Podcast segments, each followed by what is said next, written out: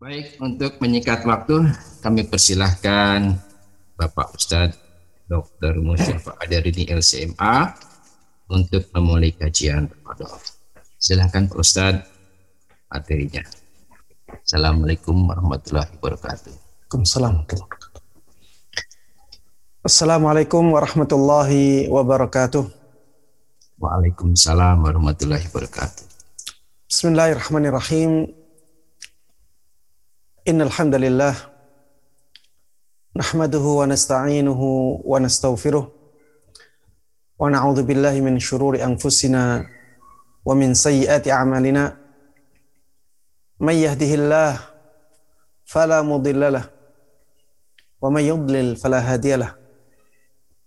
وأشهد أن لا إله إلا الله وحده لا شريك له. وأشهد أن محمدا عبده ورسوله.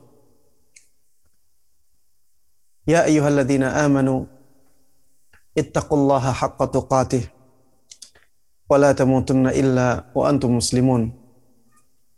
أما بعد فإن أصدق الحديث كتاب الله وخير الهدى هدى محمد صلى الله عليه وسلم وشر الأمور محدثاتها فإن كل محدثة بدعة wa kullu bid'atin dalalah wa kulla dalalatin finnar. Jamaah sekalian rahimani wa rahmakumullah. Marilah kita terus memuji Allah Subhanahu wa taala dan bersyukur kepadanya atas nikmat-nikmatnya yang terus Allah berikan kepada kita semuanya. Sehingga pada kesempatan yang baik ini kita bisa berkumpul untuk menjalankan amalan yang mulia yaitu menuntut ilmu agama. Mudah-mudahan Allah Subhanahu wa taala membantu kita dalam mengikhlaskan amalan yang mulia ini hanya untuk mengharapkan pahala darinya. Dan mudah-mudahan dengannya kita mendapatkan ilmu yang bermanfaat dan berkah yang bisa berpengaruh besar dalam kehidupan kita di dunia ini maupun di akhirat nanti. Tidak lupa salawat dan salam. Semoga selalu terlimpahkan dan tercurahkan kepada Nabi yang sangat kita cintai, Nabi yang sangat kita kagumi, sangat kita junjung tinggi, selalu kita teladani, kita taati, kita percayai Nabi Agung Muhammad sallallahu alaihi wasallam Begitu pula kepada seluruh keluarga beliau, seluruh sahabat beliau, dan seluruh kaum muslimin yang mengikuti beliau dan para sahabatnya dengan baik hingga hari akhir nanti. Ikhwati wa akhwati fillah rahimani wa rahimakumullah. Sebelum memulai kajian ini, saya ingin mengajak kepada seluruh peserta untuk banyak berdoa kepada saudara-saudara kita yang terpapar COVID-19 Mudah-mudahan mereka semuanya diberikan kesembuhan oleh Allah Subhanahu wa taala dengan kesembuhan yang segera dan kesembuhan yang sempurna. Dan mudah-mudahan bagi kita semuanya yang belum terkena COVID-19 ini mudah-mudahan dijaga oleh Allah Subhanahu wa taala kesehatan kita hingga kita tidak terkena wabah COVID-19 ini. Amin, amin, ya Rabbal Alamin. Jemaah sekalian rahimani wa rahimakumullah. Tema kita pada kesempatan kali ini adalah tema yang sangat penting untuk kita bahas. Fikih seputar masjid.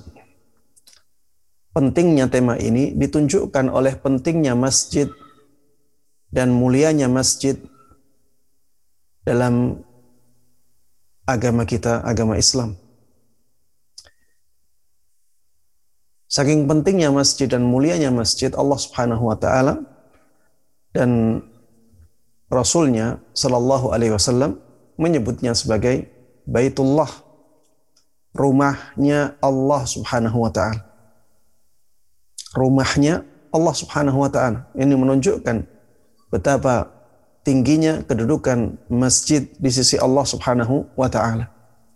Dan masjid disebutkan oleh Nabi kita Muhammad sallallahu alaihi wasallam dalam hadis yang sahih tempat yang paling dicintai oleh Allah Subhanahu wa taala di muka bumi ini. Masjid juga menjadi tempat ibadah kaum muslimin setiap harinya. Tempat dikumandangkannya azan. Tempat dakwah yang paling kuat di dalam Islam. Dari zaman Nabi Muhammad sallallahu alaihi wasallam hingga zaman kita. Masjid juga menjadi tempat berkumpulnya kaum muslimin, tempat memupuk persatuan antara kaum muslimin. Ini menunjukkan betapa pentingnya dan mulianya masjid di dalam ajaran Islam. Makanya para jamaah sekalian rahimani wa rahimakumullah, jangan sampai kita melupakan masjid. Berkhidmahlah untuk masjid. Dan ramaikanlah masjid-masjid yang sudah ada di sekitar kita. Jamaah sekalian rahimani wa rahimakumullah, saking mulianya masjid di dalam Islam, ada banyak adab yang dituntunkan oleh Islam ketika kita akan pergi ke masjid dan ketika kita sudah berada di masjid. Misalnya, ya kita disunahkan untuk berwudu ketika akan pergi ke masjid. Kita juga disunahkan untuk menghilangkan bau yang tidak enak dari badan kita. Kita disunahkan untuk memakai pakaian yang sebagus mungkin ketika pergi ke masjid. Kita juga disunahkan untuk berdoa ketika pergi ke masjid. Ya, ada doa khusus Allahumma ja'al fi qalbi nura an yamini nura wa an yasari nura wa fawqi nura wa tahti nura wa amami nura wa khalfi nura wa 'azzim li nura. Ada doa khusus yang dituntunkan di dalam Islam ketika akan pergi ke masjid. Ini menunjukkan betapa mulianya kedudukan masjid di dalam Islam kita tidak boleh mentashbik jari kedua tangan kita. Ya. Mentashbik jari kedua tangan kita. Tashbik itu seperti ini ya, menjalin jari jemari antara dua tangan. Ya, tidak boleh ketika kita berangkat ke masjid kita menjadikan tangan kita seperti ini. Ketika kita di masjid sebelum sholat, kita menunggu sholat pun masih dilarang. Dibolehkannya setelah sholat selesai Sebelum itu ya kita tidak boleh merangkai tangan kita seperti ini. Dan itu merupakan adab ya yang dituntunkan oleh Islam. Dan kita ya harusnya memperhatikan adat tersebut. Kemudian kita juga disunahkan untuk berjalan dengan tenang, mendahulukan kaki kanan ketika masuk masjid membaca doa ketika masuk masjid, kemudian memilih soft yang pertama, memilih soft yang paling dekat dengan imam, memilih soft yang bagian kanan, kemudian mengisi waktu di dalam masjid dengan amalan-amalan ibadah, dengan zikir, dengan membaca Al-Quran, dengan doa, dengan membaca salawat, dengan beristighfar, memperbanyak salat sunnah, ya. Kemudian bila iqamah telah selesai, telah dikumandangkan, ya, bila iqamah dikumandangkan, maka tidak boleh ada sholat sunnah. Yang ada hanya sholat wajib saja. Kemudian mendahulukan kaki kiri ketika keluar dari masjid, berdoa ketika keluar dari masjid. Jemaah sekalian rahimani wa rahimakumullah, banyak sekali adab-adab yang dijelaskan secara rinci oleh Islam. Ketika kita akan pergi ke masjid, ketika kita di dalam masjid, dan ketika kita keluar dari masjid. Ini menunjukkan betapa besarnya perhatian Islam terhadap masjid yang merupakan rumah Allah Subhanahu wa taala. Jemaah sekalian rahimani wa rahimakumullah. Poin yang berikutnya adalah poin inti dari kajian ini. Hukum seputar masjid. hukum-hukum yang ada hubungannya dengan dengan masjid. yang pertama, jemaah sekalian rahimani wa rahimakumullah yang penting untuk kita bahas ya. Baik, sebelum itu hukum yang berkaitan dengan masjid atau fikih seputar masjid ini sebenarnya sangat luas sekali ya. Tidak mungkin kita bahas dalam satu pertemuan ya. Makanya di sini kita akan membahas bagiannya saja yang sangat erat hubungannya dengan kehidupan kita dan zaman kita. Tidak mungkin kita bahas semuanya karena ya kalau kita melihat buku-buku yang menjelaskan masalah ini tebal-tebal ya dan akan menjadi sangat panjang dan tentunya itu tidak cocok bagi kita sehingga kita memilih beberapa masalah yang eh, penting untuk kita ketahui di zaman kita ini. Tapi yang pertama, jamaah sekalian rahimani wa rahimakumullah. Apakah dibolehkan membangun masjid di atas kuburan? Jawabannya tidak boleh. Diharamkan membangun masjid di atas kuburan. Karena Rasulullah Shallallahu alaihi wasallam telah bersabda, la'natullahi 'alal yahudi wan nasara ittakhadhu qubur anbiya'ihim masajid laknat Allah atas kaum Yahudi dan kaum Nasrani karena mereka menjadikan kuburan nabi-nabi mereka sebagai masjid. Karena mereka menjadikan kuburan-kuburan nabi mereka sebagai masjid.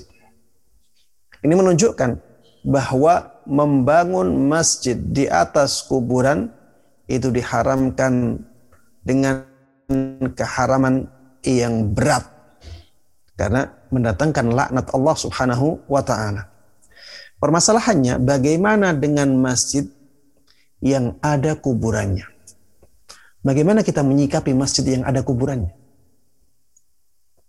Jamaah sekalian rahimani wa rahimakumullah.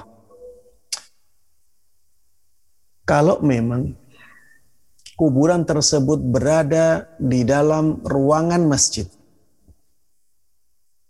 Kalau memang kuburan tersebut berada di dalam ruangan masjid, maka kita lihat mana yang lebih duluan. Apakah masjidnya ataukah kuburannya? Manakah yang lebih duluan? Kalau yang lebih duluan adalah masjidnya, berarti kuburannya yang harus dipindahkan. Kuburannya yang harus dipindahkan ke tempat lain. Karena kuburan yang ada di dalam masjid itulah yang tidak benar. Itulah yang salah, yang harus diluruskan. Keadaan itu yang harus dibenarkan. Dan karena tadinya masjid sudah dibangun terlebih dahulu, maka berarti kuburannya yang salah. Kuburannya yang harus di, pindahkan. Tapi apabila keadaannya sebaliknya, kuburannya lebih dahulu dibangun, baru dibangun masjidnya, maka berarti yang salah pembangunan masjidnya. Maka masjidnya yang harus dikalahkan. Ya, ini apabila kuburannya berada di di dalam bangunan masjid. Berada di dalam bangunan masjid, baik di depan ataupun di belakang ataupun di kiri ataupun di kanan ataupun di tengah. Selama masih di dalam bangunan masjid, maka kita lihat keadaannya. Apakah masjidnya lebih dahulu ataukah kuburannya lebih dahulu?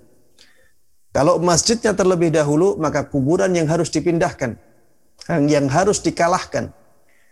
Apabila ternyata kuburannya lebih dahulu, maka masjidnya yang harus dirobohkan. Itu untuk kuburan, bukan untuk masjid. Dan membangun masjid di atas kuburan diharamkan oleh Rasulullah Sallallahu Alaihi Wasallam dengan keharaman yang berat. Makanya kubur kuburannya yang disisakan, yang dijaga, sedangkan masjidnya harus di dipindahkan ke tempat lain. Jamaah sekalian rahimani wa rahimakumullah. Bagaimana apabila kuburannya di luar bangunan masjid? Sebagaimana banyak kita lihat di masjid-masjid di sekitar kita terutama yang ada di Jawa. Ya. Banyak kuburan-kuburan yang ada di dekat masjid, di samping masjid tapi tidak ada tapi tidak di dalam bangunannya. Ya, misalnya di pelataran masjid. Tidak berada di dalam bangunan masjid. Misalnya lagi di depan masjid, di depan pengimaman. Afwan, depan itu berarti belakang masjid ya. Di depan pengimaman. Kadang juga di samping kanan. Tapi tidak di dalam bangunan masjid. Kadang juga di samping kiri, tidak di dalam bangunan masjid, dia di luar. Buktinya tidak ada tidak ada payonnya, apa ya? Tidak ada uh, atapnya. Masjid beratap sedangkan dia tidak ada atapnya. Ini menunjukkan bahwa itu di luar bangunan masjid. Apabila keadaannya demikian jemaah sekalian rahimani wa rahimakumullah, maka kita masih boleh sholat di masjid yang demikian. Ya. Kita masih boleh sholat di masjid yang demikian. Tapi sebaiknya jemaah sekalian rahimani wa rahimakumullah, kita pisah antara masjid dengan kuburannya. Kita bisa misah dengan adanya dinding pemisah. Dan lebih baik lagi apabila dibikin jalan walaupun kecil antara masjid dengan kuburannya. Ya, yang pertama kita bangun tembok yang memisahkan antara masjid dengan kuburan itu. Dan lebih baik lagi setelah ada tembok, maka dibuat jalan, walaupun jalan setapak. Sehingga benar-benar kita melihat ada pemisah antara kuburan dengan masjid. Jemaah sekalian rahimani wa rahimakumullah.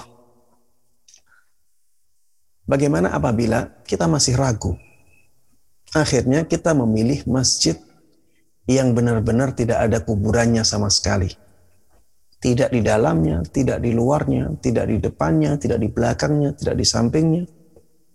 Benar-benar memilih masjid yang tidak ada kuburan. Jawabannya boleh-boleh saja, bahkan bisa jadi itu lebih baik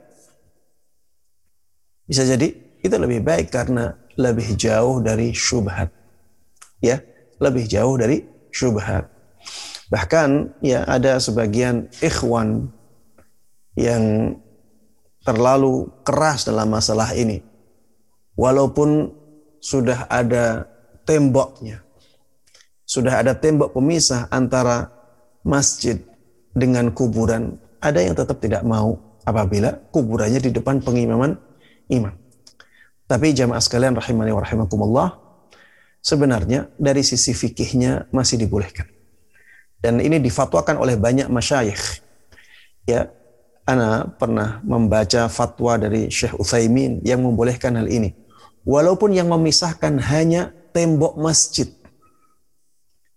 Fatwanya Syekh Utsaimin membolehkan. Syekh bin Bas juga membolehkan. Ana juga pernah baca fatwanya Syekh Saleh Fauzan membolehkan ya tapi kalau misalnya ada orang saya tidak senang saat sholat di masjid yang seperti itu mending saya sholat di masjid yang juga masih cukup dekat dan tidak ada kuburannya sama sekali kita katakan yang seperti ini juga tidak ada masalah jemaah sekalian rahimani wa rahimakumullah masalah yang kedua masalah membangun masjid dari pinjaman bank atau dari penghasilan yang tidak dihalalkan. Penghasilan yang diharamkan. Misalnya ya ada orang pekerjaannya sebagai dukun dia kaya raya akhirnya pingin bangun masjid. Ada orang pekerjaannya sebagai bankir konvensional, banyak bergelut dengan riba, pengen bangun masjid. Ada orang pekerjaannya sebagai penyanyi, pemusik, pengen bangun masjid dari hasil pekerjaan haram. Ada pezina, dia ingin bangun masjid. Jemaah sekalian rahimani wa rahimakumullah. Bolehkah masjid dibangun dari sesuatu yang diharamkan? Jawabannya para jemaah sekalian rahimani wa rahimakumullah, amalan tersebut tidak akan diterima oleh Allah Subhanahu wa taala. Karena Rasulullah sallallahu sallallahu alaihi wasallam pernah mengatakan, "Inna Allah taala tayyibun la yaqbalu illa tayyibah." Allah itu maha baik. Makanya Allah subhanahu wa ta'ala tidak akan menerima kecuali yang baik. Dan harta dari pekerjaan yang diharamkan oleh Allah subhanahu wa ta'ala, bahkan dengan keharaman yang berat, bukanlah sesuatu yang baik.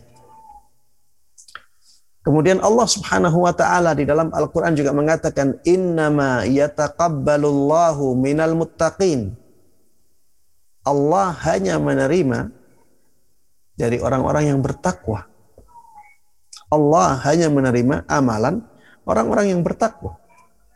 Dan pezina, bangkir konvensional, pemusik dan orang-orang yang melakukan keharaman tersebut bukanlah orang yang bertakwa. Dan hasil dari perbuatan mereka bukanlah hasil dari ketakwaan kepada Allah Subhanahu wa taala. Sehingga amalan tersebut tidak akan diterima oleh Allah Subhanahu wa taala. Tapi Ustadz bagaimana dengan masjid yang sudah dibangun? Ini pertanyaan yang berikutnya. Bagaimana Ustadz masjid yang dibangun oleh bank? Bagaimana Ustadz masjid yang dibangun oleh pezina? Bagaimana Ustadz masjid yang dibangun oleh bangkir konven? Bagaimana masjid yang dibangun oleh artis misalnya yang memamerkan auratnya? Pemusik yang bermaksiat kepada Allah Subhanahu wa taala dengan alat musiknya. Jawabannya jemaah sekalian rahimani wa rahimakumullah, masjid-masjid yang demikian boleh dijadikan sebagai tempat ibadah. Ya, boleh dijadikan sebagai tempat ibadah. Jadi hasilnya boleh kita manfaatkan, tapi orang yang membangunnya tidak mendapatkan pahala dari amalannya. Mereka tetap mendapatkan dosa dari perbuatannya melakukan keharaman ketika hasilnya digunakan untuk membangun masjid Allah Subhanahu wa taala tidak akan memberikan pahala kepada mereka karena Allah tidak menerima amalan ini tapi masjidnya boleh dimanfaatkan oleh kaum muslimin dan inilah yang banyak difatwakan oleh para ulama ya Syekh Utsaimin berfatwa demikian. Syekh bin Bas berfatwa demikian. Ya, saya bacakan di sini fatwanya Syekh bin Bas ya. Bina'ul masjidi sahihun min dhalik. Beliau ditanya tentang penyanyi yang membangun masjid atau masjid yang dibangun oleh beberapa orang yang profesinya sebagai penyanyi ya. Yang dimaksud dengan penyanyi di sini adalah penyanyi yang yang tentunya banyak melakukan keharaman ya. Dari sisi alat musiknya dari sisi eh, konten dari nyanyiannya.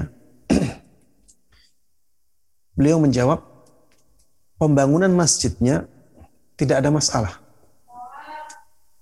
pembangunan masjid dari harta para penyanyi itu tidak ada masalah dibenarkan akan tetapi, sebaiknya harta tersebut digunakan bukan untuk masjid, tapi untuk an-nafaqah at-tayyibah. Untuk memberikan sedekah kepada orang-orang yang sangat membutuhkannya. Kemudian beliau mengatakan, "Faida tammal bina'u min malin haramin min ghina'in au min bankin au kada sahha wa sulliya fihi wala yadur." Apabila masjid telah dibangun dari harta yang haram, seperti misalnya dari nyanyian, dari bank, atau yang seperti ini, maka pembangunan itu tidak ada masalah sah, dibolehkan, dianggap sah sebagai bangunan masjid, dan boleh untuk dijadikan sebagai tempat sholat, dan tidak masalah. Wal ismu ala man kasabal haram. Dosanya ditanggung oleh orang yang bekerja dengan pekerjaan yang haram. Jadi dosa dari perbuatan riba, dosa dari perbuatan menyanyi yang diiringi dengan alat musik, dan dosa-dosa yang dilakukan oleh orang yang membangunnya itu ditanggung oleh pembangun itu. Ditanggung oleh orang yang melakukannya dia digunakan dia menggunakannya untuk membangun masjid. Ya sah sebagai masjid. Tapi amalannya tidak diterima oleh Allah Subhanahu wa taala. Tapi orang-orang boleh menggunakannya untuk tempat ibadah. Kemudian Syekh bin Bas mengatakan lakin yang bagi tunazzahul masajid an hada. Akan tetapi sebaiknya masjid itu dibersihkan dari yang seperti ini dijauhkan dari harta-harta yang seperti ini. Wa alla yunfaqu fiha illa nafaqah at-thayyibah. Hendaknya ya ketika membangun masjid tidak menggunakan kecuali harta yang baik, harta yang halal. Lakin mata bunia min kasbin laisa bitayyibin sahhatis salatu fihi wala yuhdam. Akan tetapi apabila masjid sudah dibangun dari hasil yang tidak baik, hasil yang diharamkan, maka salat di dalamnya sah dan masjid tidak boleh dihancurkan.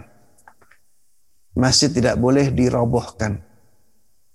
Dipakai saja untuk salat, dimanfaatkan untuk ibadah kepada Allah Subhanahu wa taala. Jemaah sekalian rahimani wa rahimakumullah, inilah yang difatwakan oleh banyak syekh ya karena inilah yang banyak maslahatnya bagi kaum muslimin. Ustadz, pernah ada seorang penceramah Ustadz.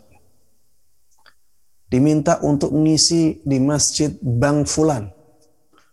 Ustadznya tidak mau. Bagaimana ini Ustadz? Jamaah sekalian rahimani wa rahimakumullah. Apabila ada ustadz yang demikian, maka kita hargai pilihannya. Kita hargai pilihannya untuk tidak berceramah di masjid yang dibangun oleh Bank Fulan. Karena itu pilihan dia. Dan dia berhak untuk memilih dengan pilihan seperti itu. Mungkin saja dengan pilihan tersebut orang-orang akan tersadar agar mereka membangun masjid dengan harta yang benar-benar dihalalkan. Atau agar orang-orang yang berkecimpung dalam lembaga-lembaga ribawi akhirnya taubat meninggalkan pekerjaannya dan beralih ke, bekerja, ke pekerjaan yang dihalalkan oleh Allah Subhanahu wa taala. Tapi sebenarnya mengisi di masjid-masjid yang dibangun oleh bank, dibangun dari harta yang diharamkan sebenarnya dibolehkan. Karena tidak ada bedanya antara sholat di dalamnya dengan ngisi kajian. Dua-duanya ibadah kepada Allah subhanahu wa ta'ala. Tapi kalau misalnya ada latar belakang tertentu yang menjadikan seseorang tidak ingin sholat di masjid tertentu, maka itu pilihan dia. Ya, kita tidak boleh memaksanya untuk mengisi di tempat tertentu. Jemaah sekalian rahimani wa rahimakumullah. Masalah yang berikutnya adalah bermegah-megahan dalam membangun masjid. Sebagaimana kita lihat di zaman kita, ya banyak orang yang bermegah-megahan dalam membangun masjid. Dan setelah dibangun, ternyata masjidnya sepi. Tidak ada kegiatan atau tidak ada kegiatan yang memberikan manfaat bagi masyarakat. Seakan-akan tanggung jawab dia hanya membangun saja. Adapun menghidupkan masjid, menyemarakkan masjid, menjadikan masjid bermanfaat bagi masyarakat, bermanfaat bagi umat, maka tidak dipikirkan. Ini tentu ya suatu kesalahan besar Jemaah sekalian rahimani wa rahimakumullah. Yang pertama, bermegah-megahan dalam membangun masjid ini dilarang oleh Nabi kita Muhammad sallallahu alaihi wasallam. Ini sesuatu yang tidak baik. Ya. Coba lihat hadis Nabi Muhammad sallallahu alaihi wasallam beliau mengatakan la taqumus sa'ah hatta yatabahan nasu fil masajid hari kiamat tidak akan tiba sampai orang-orang berlomba-lomba untuk membanggakan masjidnya. Sampai orang-orang berlomba-lomba untuk membangun masjid dengan sebaik-baiknya. Akhirnya ini bangga dengan masjidnya dia. Ini bangga dengan masjidnya dia. Bermegah-megahan dalam membangun masjid. Itu termasuk di antara tanda dekatnya hari kiamat. Maka jamaah sekalian rahimani wa rahimakumullah, kalau kita membangun masjid ya, maka jauhkan dari keadaan bermegah-megahan atau tindakan bermegah-megahan dalam membangunnya. Sesuaikan dengan kebutuhan. Ustadz kita butuh masjid yang besar, silahkan. Bangun masjid yang besar. Tapi tidak perlu ada sikap bermegah-megahan. Tindakan bermegah-megahan hindari. Jadikan masjid ya sesuai dengan kebutuhan. Masjid yang besar tidak harus megah. Biaya yang kita gunakan untuk misalnya yang asalnya kita gunakan atau kita rencanakan untuk bermegah-megahan, untuk membangun masjid dengan megah, bisa kita gunakan untuk menghidupkan masjid tersebut dengan kegiatan-kegiatannya. Bangun masjid sebaik mungkin, tapi jangan bermegah-megah. Ini dilarang oleh Nabi kita Muhammad Sallallahu Alaihi Wasallam. Beliau mengatakan dalam hadis yang lain, "Ma umirtu bitasyyidil masajid." Aku tidak diperintahkan untuk membangun masjid dalam keadaan tinggi, ya. Aku tidak di diperintahkan untuk meninggikan masjid-masjid. Ibnu Abbas radhiyallahu taala anhuma pernah mengatakan latuzakhrifunnaha kama zakhrafatil yahud wan nasara. Sungguh kalian benar-benar akan menghias-hiasi masjid sebagaimana kaum Yahudi dan kaum Nasrani menghias-hiasi tempat ibadah mereka. Mungkin banyak yang belum mendengar masalah seperti ini. Tapi inilah yang dijelaskan oleh para ulama. Inilah yang dijelaskan oleh para ulama. Maka jemaah sekalian rahimani wa rahimakumullah.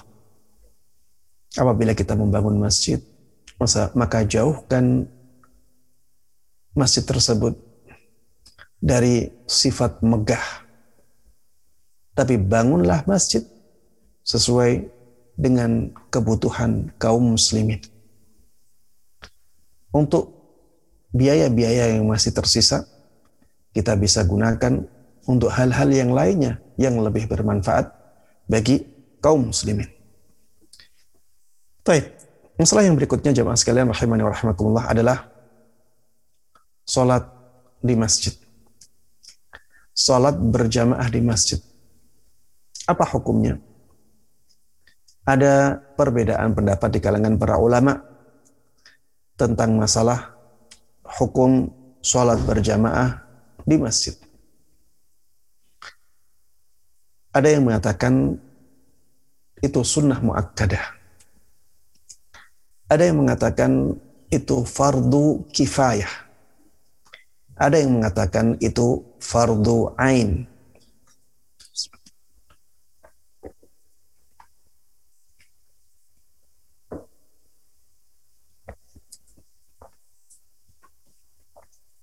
Inilah tiga pendapat yang paling masyhur dalam masalah ini. Dan tiga pendapat ini ya pendapat-pendapat yang mu'tabar. Apabila ada seseorang memilih salah satu dari tiga pendapat ini karena melihat dalilnya lebih kuat, maka kita tidak boleh mencelanya. Kita tidak boleh suudon kepadanya. Ya. Bukan karena hawa nafsunya dia memilih.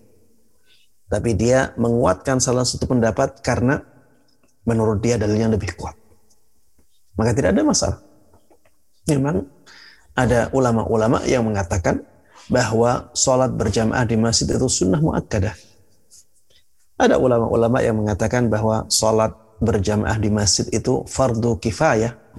Sebagaimana yang ada dalam madhab syafi'i ada ulama-ulama yang mengatakan bahwa sholat berjamaah di masjid itu fardu ain.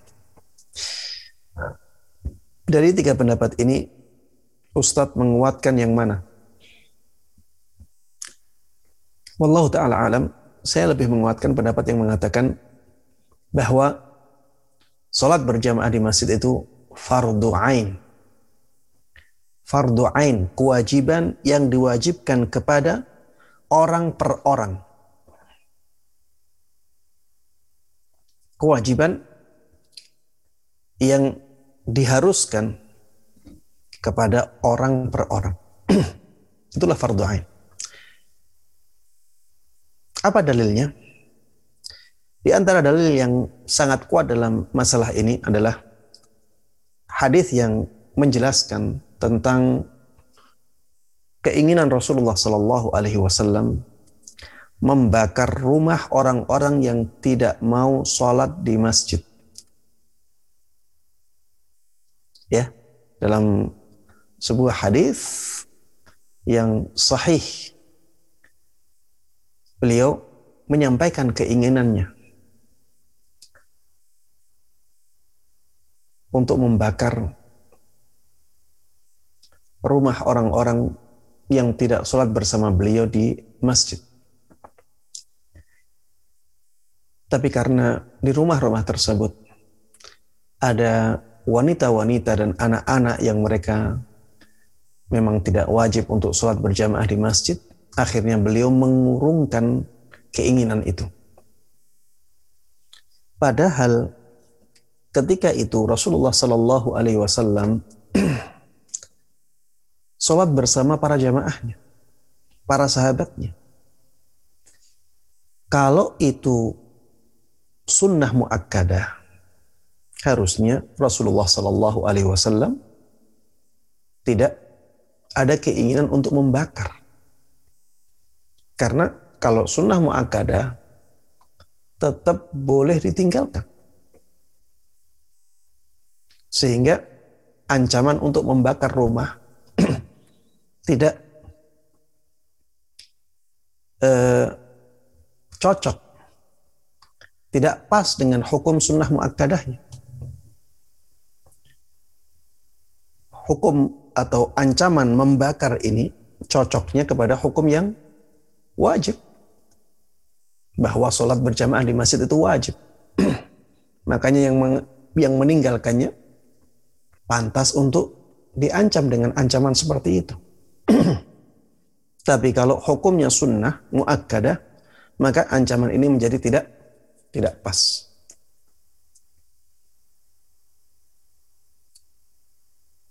Hadis itu juga menunjukkan bahwa sholat berjamaah di masjid itu fardu ain, bukan fardu kifayah. Kenapa? Karena kalau fardu kifayah harusnya sudah cukup dengan orang-orang yang ada bersama Rasulullah Shallallahu Alaihi Wasallam ketika itu. Karena ternyata bersama beliau masih ada sahabat-sahabat yang lain Dan fardu kifayah kalau sudah dilakukan oleh sebagian orang maka menjadi gugur untuk sebagian orang yang lain. Ya seperti sholat jenazah. Seperti azan. Kalau sudah ada yang azan satu orang maka gugur kewajibannya untuk yang lainnya. Kalau sudah ada yang sholat jenazah beberapa orang atau satu orang saja sudah melakukan sholat jenazah maka kewajiban yang lain gugur. Kalau sholat berjamaah di masjid itu fardu kifayah, harusnya sudah gugur dengan sahabat-sahabat yang sholat bersama bersama beliau. Ternyata Rasulullah tidak cukup. Rasulullah ingin meninggalkan mereka, menunjuk satu orang sahabat sebagai gantinya untuk menjadi imam, dan Rasulullah bersama sahabat-sahabat yang lain bergerak untuk menuju rumah-rumah yang mereka yang penghuninya tidak sholat di Masjid Nabi Muhammad Sallallahu Alaihi Wasallam. Ya, ini menunjukkan bahwa sholat berjamaah di masjid bagi laki-laki yang balik itu hukumnya fardu ain. Kemudian Athar Ibnu Mas'ud radhiyallahu taala anhu ya beliau mengatakan aku tidaklah melihat. Ya kami tidaklah melihat. Ya beliau sedang berbicara atas nama sahabat. Kami tidaklah melihat orang yang tidak sholat di masjid kecuali dia seorang munafik yang tulen. Ya munafik ma'lumun nifak ini menunjukkan bahwa sholat berjamaah di masjid itu hukumnya fardu ain ya. Kemudian ada juga hadis Nabi Muhammad sallallahu alaihi wasallam barang siapa yang mendengar azan kemudian dia tidak mendatanginya maka tidak ada sholat baginya kecuali karena uzur kata-katanya man sami'an nida barang siapa yang mendengar adzan. Dan yang mendengar adzan itu banyak. Falam yujib fala salata lahu illa min udhrin. Tapi dia tidak mendatangi masjid, maka tidak ada salat baginya. Kecuali karena adanya udur. Dia boleh sholat di rumah kalau ada udur. Kalau tidak ada udur berarti dia wajib untuk ke masjid. Ya, ini menunjukkan bahwa sholat berjamaah di masjid itu fardu ain. Ya, Allah taala alam saya melihat dalil-dalilnya sangat kuat dalam masalah ini. Taib, pertanyaan yang sekarang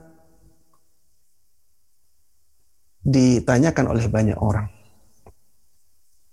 karena pandemi. Bagaimana apabila keadaannya pandemi seperti ini, Ustaz?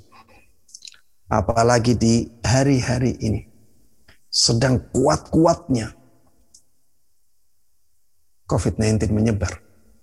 Seakan-akan sudah tidak bisa dikendalikan lagi. Pemerintah pun ya akhirnya mengambil tindakan yang sangat ekstrim ya. Ada PPKM sekarang. Kemudian pemerintah menghimbau kepada kaum muslimin bahkan melarangnya menghimbau kaum muslimin bahkan melarang mereka untuk sholat di masjid. Bolehkah kita sholat di rumah? Jawabannya boleh. Kenapa? Karena ada uzur. Ada uzur bagi kita di saat seperti ini untuk sholat di rumah. Jamaah sekalian rahimani rahim wa rahimakumullah. Mana yang lebih besar? Udur untuk menghindari pandemi ataukah udur sakit? Misalnya sakit demam di rumah. Orang yang sakit panas di rumah. Orang yang sakit panas, dia boleh tidak sholat di masjid. Tapi sakit panas biasa. Kalau dia ke masjid, maka sebenarnya tidak ada masalah. Tapi dia dibolehkan sholat di rumah. Sekarang di masa pandemi seperti ini, kalau kita tetap sholat di masjid, bisa jadi ada orang yang OTG. Jadi virusnya di tubuh dia tidak mendatangkan masalah. Tapi kalau menyebar ke orang lain, akan menjadi masalah yang sangat parah. Masalah berat. Dan kita karena COVID-19 ini tidak bisa dilihat dengan mata telanjang, maka kita akan menjadi sangat uh, khawatir apabila terpapar dari orang lain ketika berada di masjid. Walaupun orang tersebut sudah berusaha untuk membersihkan dirinya. Tapi kemungkinan terpapar sangat besar.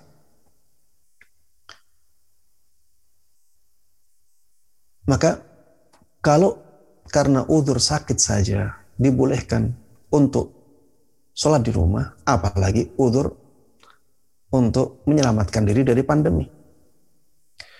Taib hujan kalau keadaan hujan, boleh tidak kita sholat di rumah? Jawabannya boleh. Hanya karena menghindari hujan. Yang kalaupun kita kena hujan, tidak ada masalah. Itu pun kita dibolehkan untuk sholat di rumah. Walaupun kita punya mobil. Kalau kita punya mobil ke masjid, bisa jadi tidak ada satu tetes pun air yang mengenai kita ketika keadaannya hujan. Itu pun kita masih sholat, masih boleh sholat di rumah. Apalagi menyelamatkan diri dari wabah. Ketika makan bawang, jemaah sekalian makan bawang. Kalau ada orang makan bawang, akhirnya mulutnya bau, dia dibolehkan untuk tidak sholat di masjid. Nanti permasalahannya, apakah dia berdosa makan bawang ketika waktunya dekat dengan waktu sholat? Ini permasalahan lain. Tapi ketika keadaannya dia bau bawang seperti itu, dia dibolehkan untuk tidak ke masjid. Ada hadisnya. Padahal itu karena bau bawangnya ini akan mengganggu kekhusyuan dari jamaah lain. Apalagi apabila uzurnya adalah menyelamatkan diri dari wabah. Subhanallah, Rasulullah Sallallahu Alaihi Wasallam mengatakan, kalau la salata bihadratit ta'am. Kalau makanan sudah dihidangkan, maka tidak ada sholat. Kalau misalnya kita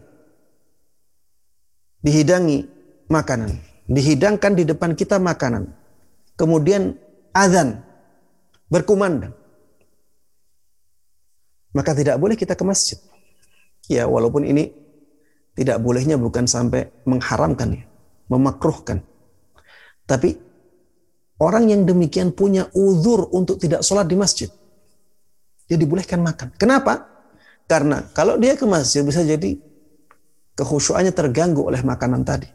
Coba bayangkan, uzurnya karena makanan dihidangkan.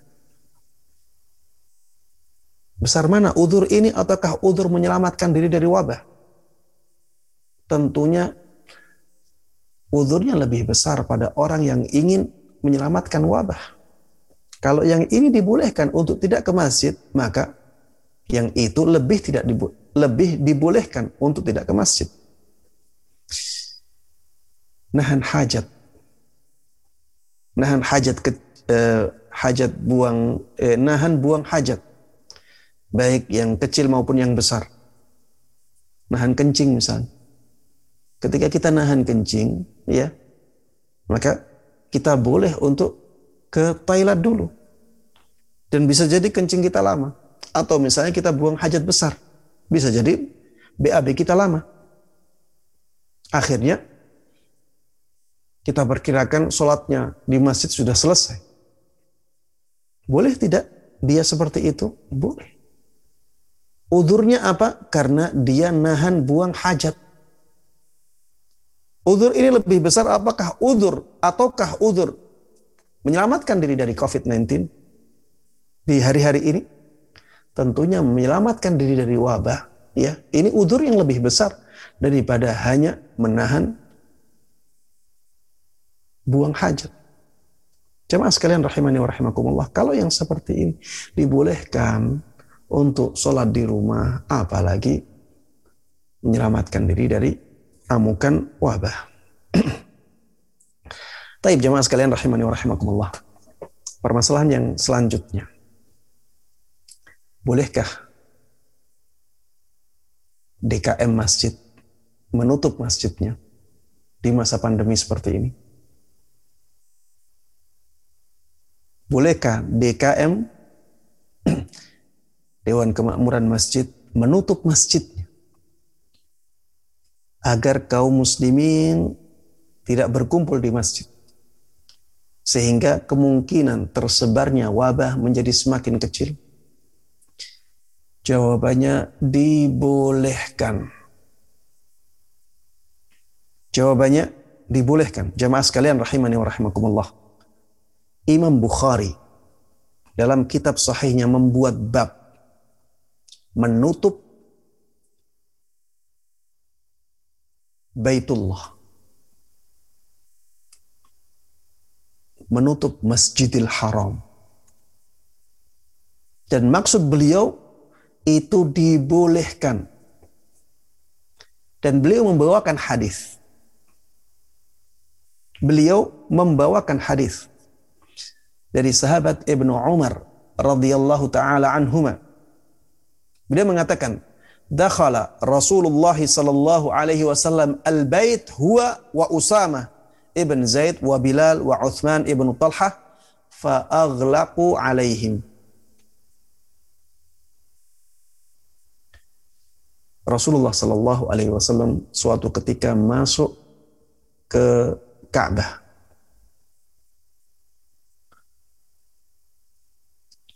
Rasulullah Shallallahu Alaihi Wasallam masuk ke Ka'bah. Beliau ketika itu bersama sahabat Usamah ibn Zaid, bersama sahabat Bilal, bersama sahabat Uthman ibn Talha. Fa'ughliqu alaihim. Kemudian setelah itu pintu ditutup Maksudnya orang lain tidak boleh masuk. Setelah itu pintu ditutup. Pintu Ka'bah ditutup untuk orang lain. Di dalamnya hanya ada beberapa orang yang bersama Rasulullah Sallallahu Alaihi Wasallam. Dari sini Imam Bukhari mengambil kesimpulan bahwa menutup Ka'bah itu dibolehkan. Menutup Ka'bah itu dibolehkan. Rasulullah menutup Ka'bah. Hanya beliau dan beberapa orang saja yang masuk, yang lain tidak boleh masuk. Maka ini menunjukkan bahwa menutup masjid apabila karena hajat pun dibolehkan.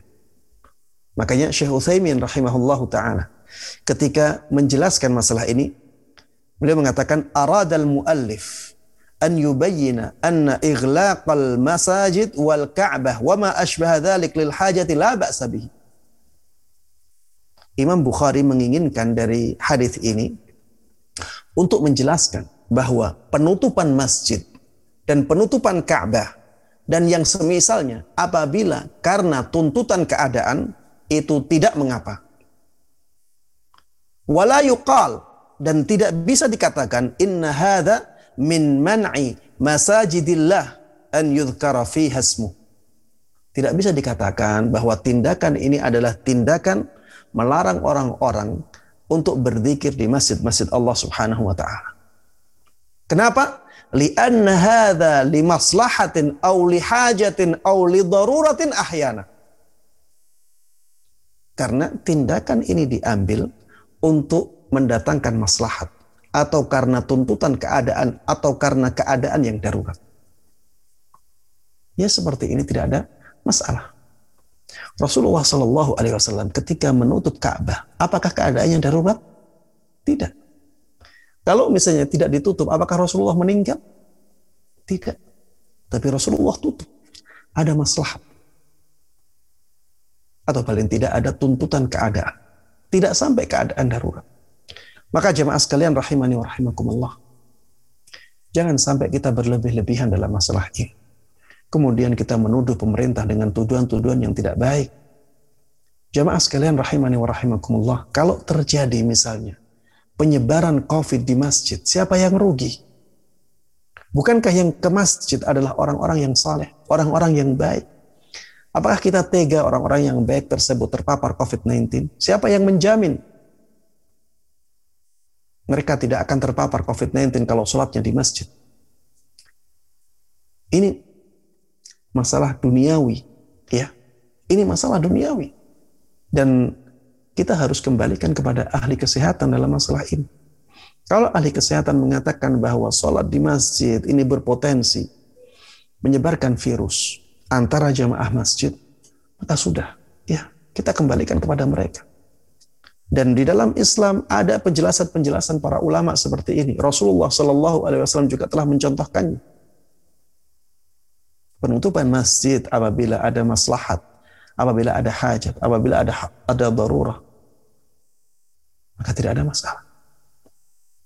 Jemaah sekalian rahimani wa rahimakumullah, bukankah masjid ditutup ketika malam hari? Setelah sholat isya, bukankah masjid ditutup? Jawabannya iya ditutup. Kenapa ditutup? Karena ada maslahat. Maslahatnya apa? Agar masjid tidak disalahgunakan. Terus kenapa tidak boleh ditutup di waktu waktu sholat apa bedanya? Seharusnya tidak ada tidak ada bedanya. Karena maslahat ini jauh lebih besar menghindarkan jamaah masjid dari penyebaran COVID-19 ini jauh lebih besar daripada maslahat agar masjid tidak disalahgunakan ketika malam hari. Karena ini berkaitan dengan nyawa kaum muslimin. Jemaah sekalian rahimani wa rahimakumullah. Anda merasakan sendiri bagaimana sedihnya kehilangan orang-orang dekat karena COVID-19 ini. Orang-orang yang mereka punya semangat untuk membantu dakwah sunnah banyak yang meninggal. Teman-teman saya banyak yang meninggal. Siapa yang menjamin orang-orang yang ada di masjid, yang mereka orang-orang baik, yang punya kepedulian kepada masjid, tidak terpapar COVID-19 ketika mereka menjalankan sholat berjamaah di dalam masjid. Tidak ada. Tidak ada yang menjamin itu.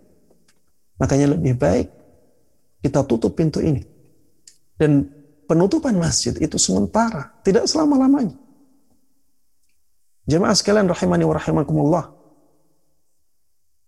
Masjid Nabawi saja pernah ditutup. Dan itu dibenarkan oleh para ulama di Madinah. Tidak ada masalah mereka. Masjid Nabawi ditutup gara-gara COVID-19. Maka jangan berlebihan dalam masalah yang seperti ini, ya. Dan kembalikanlah kepada penjelasan para ulama. Ya, Jemaah sekalian rahimani wa rahimakumullah. Di dalam hadis Nabi Muhammad sallallahu alaihi wasallam kita dibolehkan untuk mengajak manusia untuk sholat di rumah ketika hujan. Sallu fi rihalikum, sallu fi rihalikum. Sholatlah kalian di rumah-rumah kalian. Sholatlah kalian di rumah-rumah kalian. Muadzin dibolehkan mengucapkan kata-kata ini Udurnya karena hujan turun. Ya. Kalau misalnya ya muadzin dia ber, dia mengumandangkan adzan. Tapi hujan turun deras. Maka dibolehkan bagi dia untuk mengatakan, wahai para jamaah, solatlah kalian di rumah-rumah kalian. Para jamaah, solatlah kalian di rumah-rumah kalian. Dibolehkan. Apa bedanya ini dengan menutup masjid? Intinya agar orang-orang tidak sholat di masjid kan. Dan di dalam hadis dibolehkan seperti itu. Padahal udurnya adalah hujan turun. Hujan turun tidak menyebabkan hilangnya nyawa. Tapi lihat COVID-19 menyebabkan hilangnya nyawa dan sudah banyak sekali nyawa-nyawa orang-orang yang mulia yang hilang diambil oleh Allah Subhanahu wa taala karena wabah ini. Jemaah sekalian rahimani wa rahimakumullah.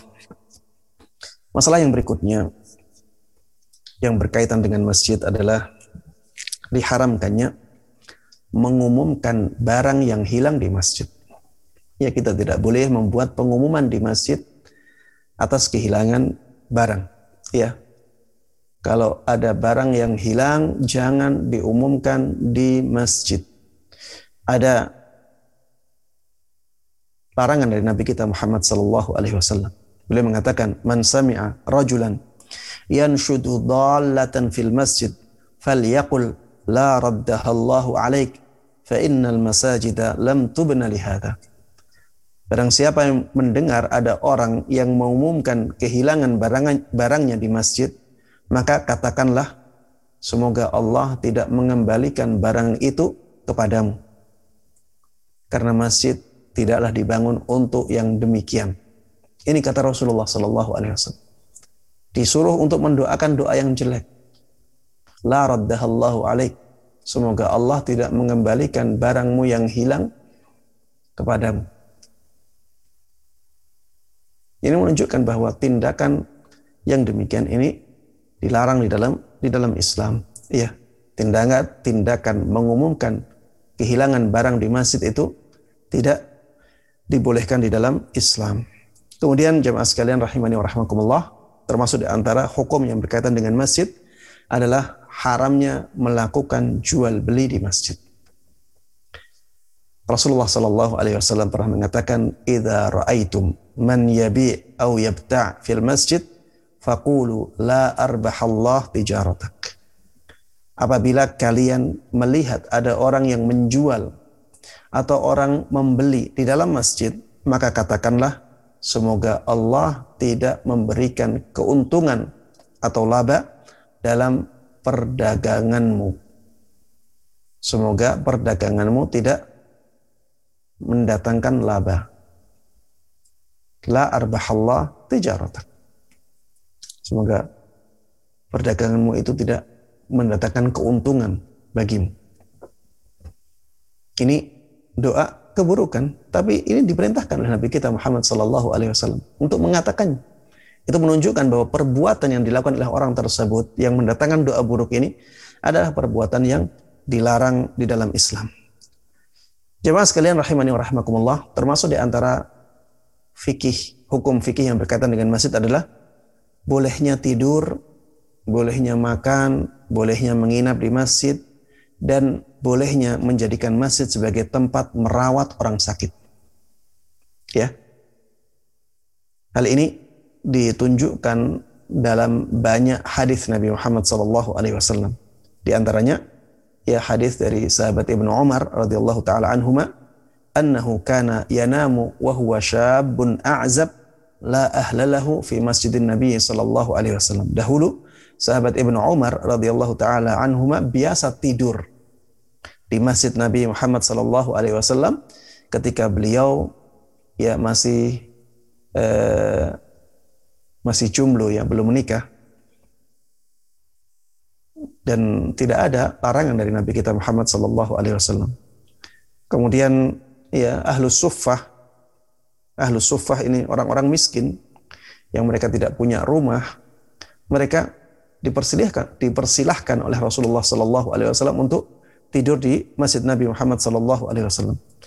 Kemudian ada hadis dari Abdullah bin Al-Harith radhiyallahu taala anhu, beliau mengatakan kunna na'kul ala ahdi Rasulullah sallallahu alaihi wasallam fil masjidi al-khubza wal lahma. Dahulu kami biasa makan di zaman Nabi Muhammad sallallahu alaihi wasallam roti dan daging di masjid. Dan ini menunjukkan bahwa makan di masjid itu dibolehkan. Kemudian ada hadis dari ibunda kita Aisyah radhiyallahu taala anha beliau mengatakan usiba Sa'dun yaumal khandaq. Sa'ad ya sahabat Sa'ad uh, Ibn Mu'adh ya cedera di perang Khandaq. Kemudian fadaraba Nabi sallallahu alaihi wasallam khaymatan fil masjid liya'udahu min qarib. Maka Rasulullah sallallahu alaihi wasallam ia membuat uh, kemah membuat tenda di masjid untuk uh, menempatkan sahabat saat ini di situ dan agar orang-orang bisa menjenguk beliau di tempat itu. Dan ini menunjukkan bahwa dibolehkan kita menggunakan masjid untuk merawat orang yang sakit ya apabila itu dibutuhkan dan tidak mengganggu kegiatan masjid. Jemaah sekalian rahimani wa rahimakumullah, fikih hukum fikih yang berikutnya yang sangat penting juga untuk kita ketahui adalah tidak bolehnya mengangkat suara di dalam masjid kecuali apabila dibutuhkan. Tidak bolehnya mengangkat suara di dalam masjid kecuali apabila dibutuhkan. Kebutuhan apa seperti misalnya mengumandangkan azan, ya. Ini jelas dibolehkan karena azan harus dikeraskan. Contohnya lagi iqamah, ya. Ini juga dibolehkan mengangkat suara ketika iqamah. Contohnya lagi khutbah Jum'ah Memang dibutuhkan khutbah Jumat untuk mengangkat suara. Contohnya lagi kajian ilmiah. Dibolehkan untuk mengangkat suara ketika kajian ilmiah. Karena memang dibutuhkan. Apabila tidak dibolehkan pada asalnya, eh, apabila tidak dibutuhkan, maka pada asalnya tidak boleh tidak dibolehkan untuk mengangkat suara. Seperti misalnya membaca Al-Quran. Jemaah sekalian rahimani wa membaca Al-Quran di masjid ini pada asalnya tidak boleh dikeraskan.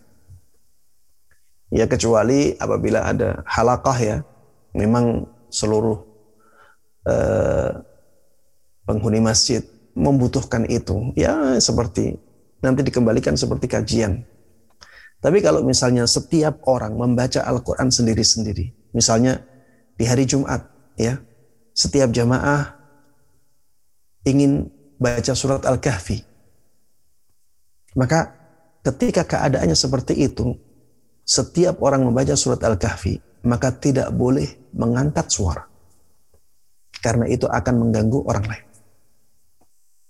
Contohnya lain, eh, contohnya lagi, misalnya apabila orang-orang ingin melakukan sholat sunnah. Sholat sunnah, ini sholat sunnah, ini sholat sunnah, ini sholat sunnah.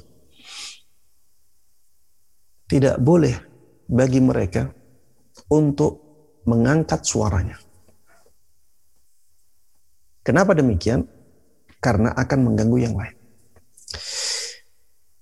Dan ini ditunjukkan oleh hadis Nabi Muhammad sallallahu alaihi wasallam dari sahabat Abu Sa'id radhiyallahu taala anhu. Beliau mengatakan, "I'takafa Rasulullah sallallahu alaihi wasallam fil masjid." Rasulullah pernah beriktikaf di masjid. Fasami'ahum yajharuna bil qira'ah. Maka Rasulullah Shallallahu Alaihi Wasallam mendengar sahabat-sahabatnya mengangkat suara dengan bacaan Al-Quran. Fakashafas sitr. Maka Rasulullah Shallallahu Alaihi Wasallam mengangkat uh, selambunya atau kelambunya. Waqala dan beliau mengatakan, Ala inna kullakum munajin rabbah. Ingat-ingatlah bahwa sesungguhnya kalian semuanya sedang bermunajat kepada Rabb kalian. Fala yu'dhiyanna ba'dukum ba'da. Maka jangan sampai sebagian dari kalian mengganggu sebagian yang lain. Wala yarfa' ba'dukum ala ba'din fil qira'ah. Au qala fis salah. Dan jangan sampai kalian saling mengangkat suara dalam bacaan Al-Qur'annya atau dalam sholatnya. Sudah ya tidak boleh. Jemaah sekalian rahimani wa rahimakumullah. Kalau bacaan Al-Quran saja tidak boleh dikeraskan karena ditakutkan mengganggu yang lain. Apalagi bacaan selain Al-Quran. Dan ini banyak terjadi di masjid-masjid di zaman kita. Antara azan dan iqamah banyak suara-suara ya. Banyak suara-suara yang dikeraskan. Yang akhirnya orang-orang yang sholat qabliyah itu sangat terganggu sekali dan tidak bisa khusyuk dalam sholatnya karena suara yang mengganggu ini. Makanya jamaah sekalian rahimani wa rahimakumullah. Jangan sampai kita melakukan yang demikian. Di masjid ya kita juga harus menghormati orang-orang yang sholat. Jangan mentang-mentang kita membawa mic. Jangan mentang-mentang kita muadzin. Kita dibolehkan adzan berarti setelah adzan pun kita dibolehkan untuk mengeraskan suara kita. Padahal tidak ada kebutuhan untuk itu. Mereka mengatakan, Ustadz, kalau setelah adzan kita diam, nanti orang-orang pada nggak datang Ustadz. Saya katakan, kalaupun suaranya diangkat lagi untuk memanggil orang-orang itu, yang datang juga tetap sedikit. Karena masalahnya bukan mereka itu lupa, bukan. Masalahnya itu mereka tidak punya semangat untuk ke masjid. Maka kita mau ya gembar-gembor satu jam pun mereka tidak akan ke masjid. Maka sudahlah cukup dengan apa yang datang dari Islam yaitu dengan azan dan iqamah sudah cukup. Tidak perlu ditambah dengan yang lainnya. Ya ittabi'u wa la tabtadi'u faqad kufitum. Dalam masalah beragama ikut ikutilah. Ya. Ittiba'lah. Ikutilah yang ada. Peraturan yang sudah ada diikuti. Jangan buat-buat aturan sendiri. Karena kita itu sudah dicukupkan dengan yang ada. Yang ada itu sudah sudah sempurna. Tinggal menjalankan. Jangan membuat-buat sendiri Jemaah sekalian rahimani wa rahimakumullah, di antara fikih yang berkaitan dengan masjid adalah makruhnya sholat di antara tiang. Ya ini dalam sholat berjamaah ya. Ini dalam sholat berjamaah. Kalau kita sholat berjamaah, maka jangan sholat di antara tiang. Karena kalau kita sholat di antara tiang, nanti softnya otomatis akan terputus-putus. Maka kalau misalnya ada tiang ya kita cari soft yang tidak diputus oleh oleh tiang. Karena hal ini dilarang oleh Nabi kita Muhammad Sallallahu Alaihi Wasallam kecuali ya apabila keadaannya ramai dan kita tidak mendapatkan tempat kecuali tempat yang seperti itu maka yang kalau keadaannya seperti itu kita terpaksa maka lebih baik sholat di situ daripada tidak mengikuti sholat sama sama sekali.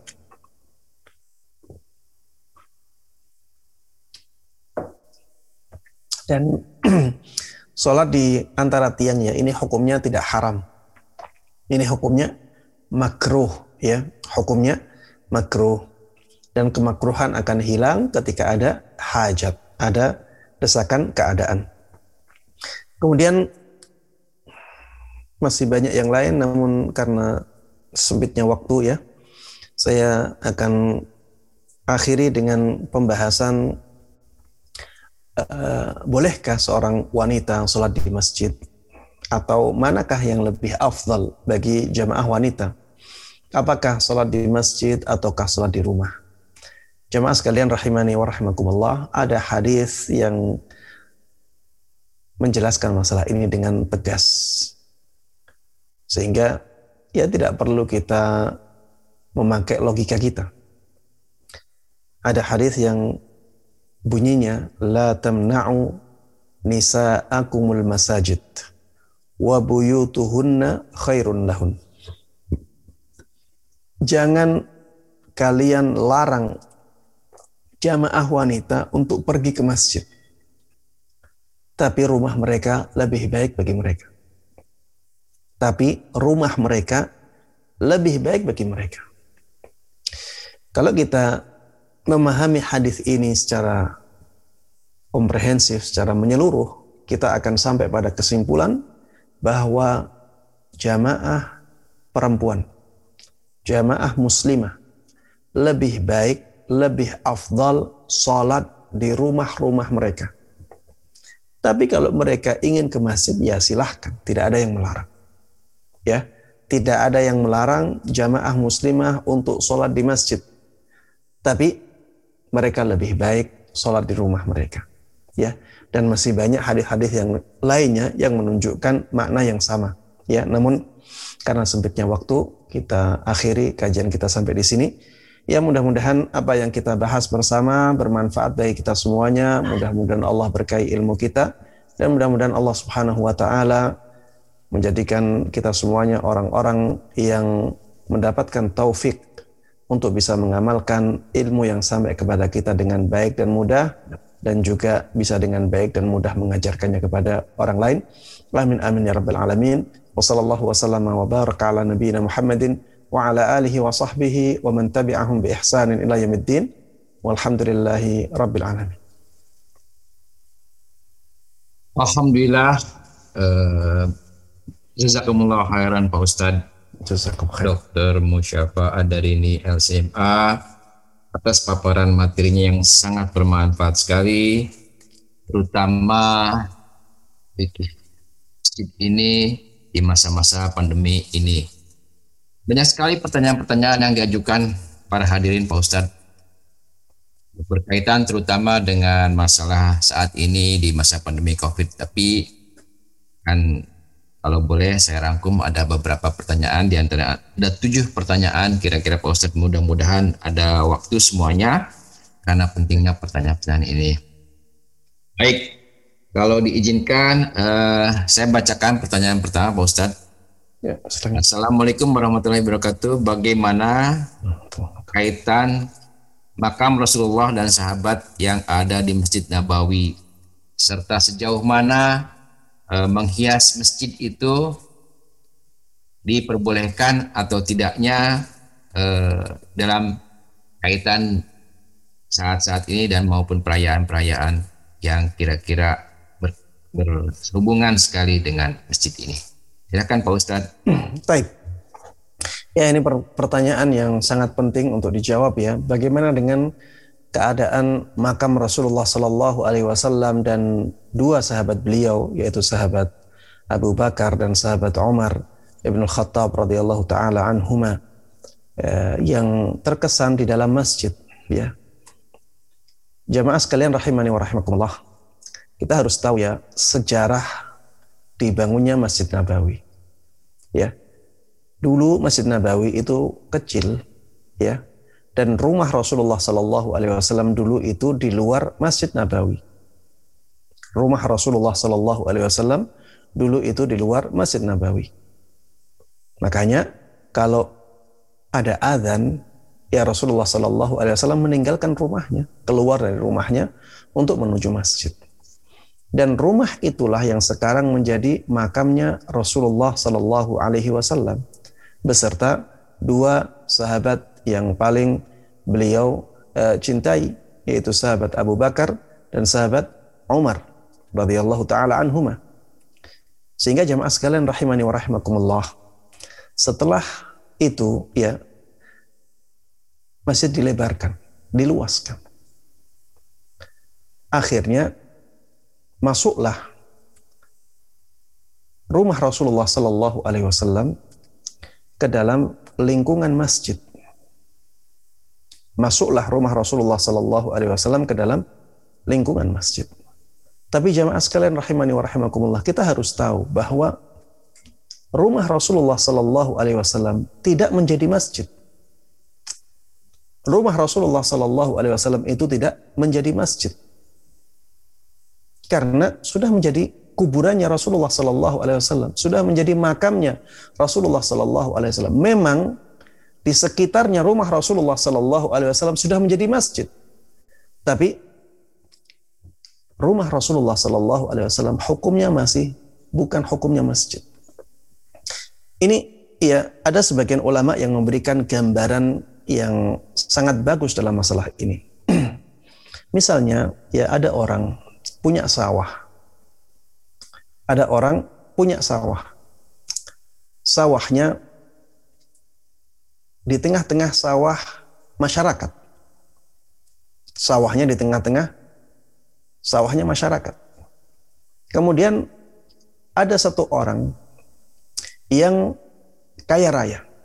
Akhirnya membeli semua sawah yang mengitari sawah dia. Ya. Orang yang kaya ini membeli rumah ya yang eh, afan membeli tanah yang mengitari sawahnya ini. Kemudian dia membangun sebuah bangunan. Membangun sebuah bangunan di tanahnya.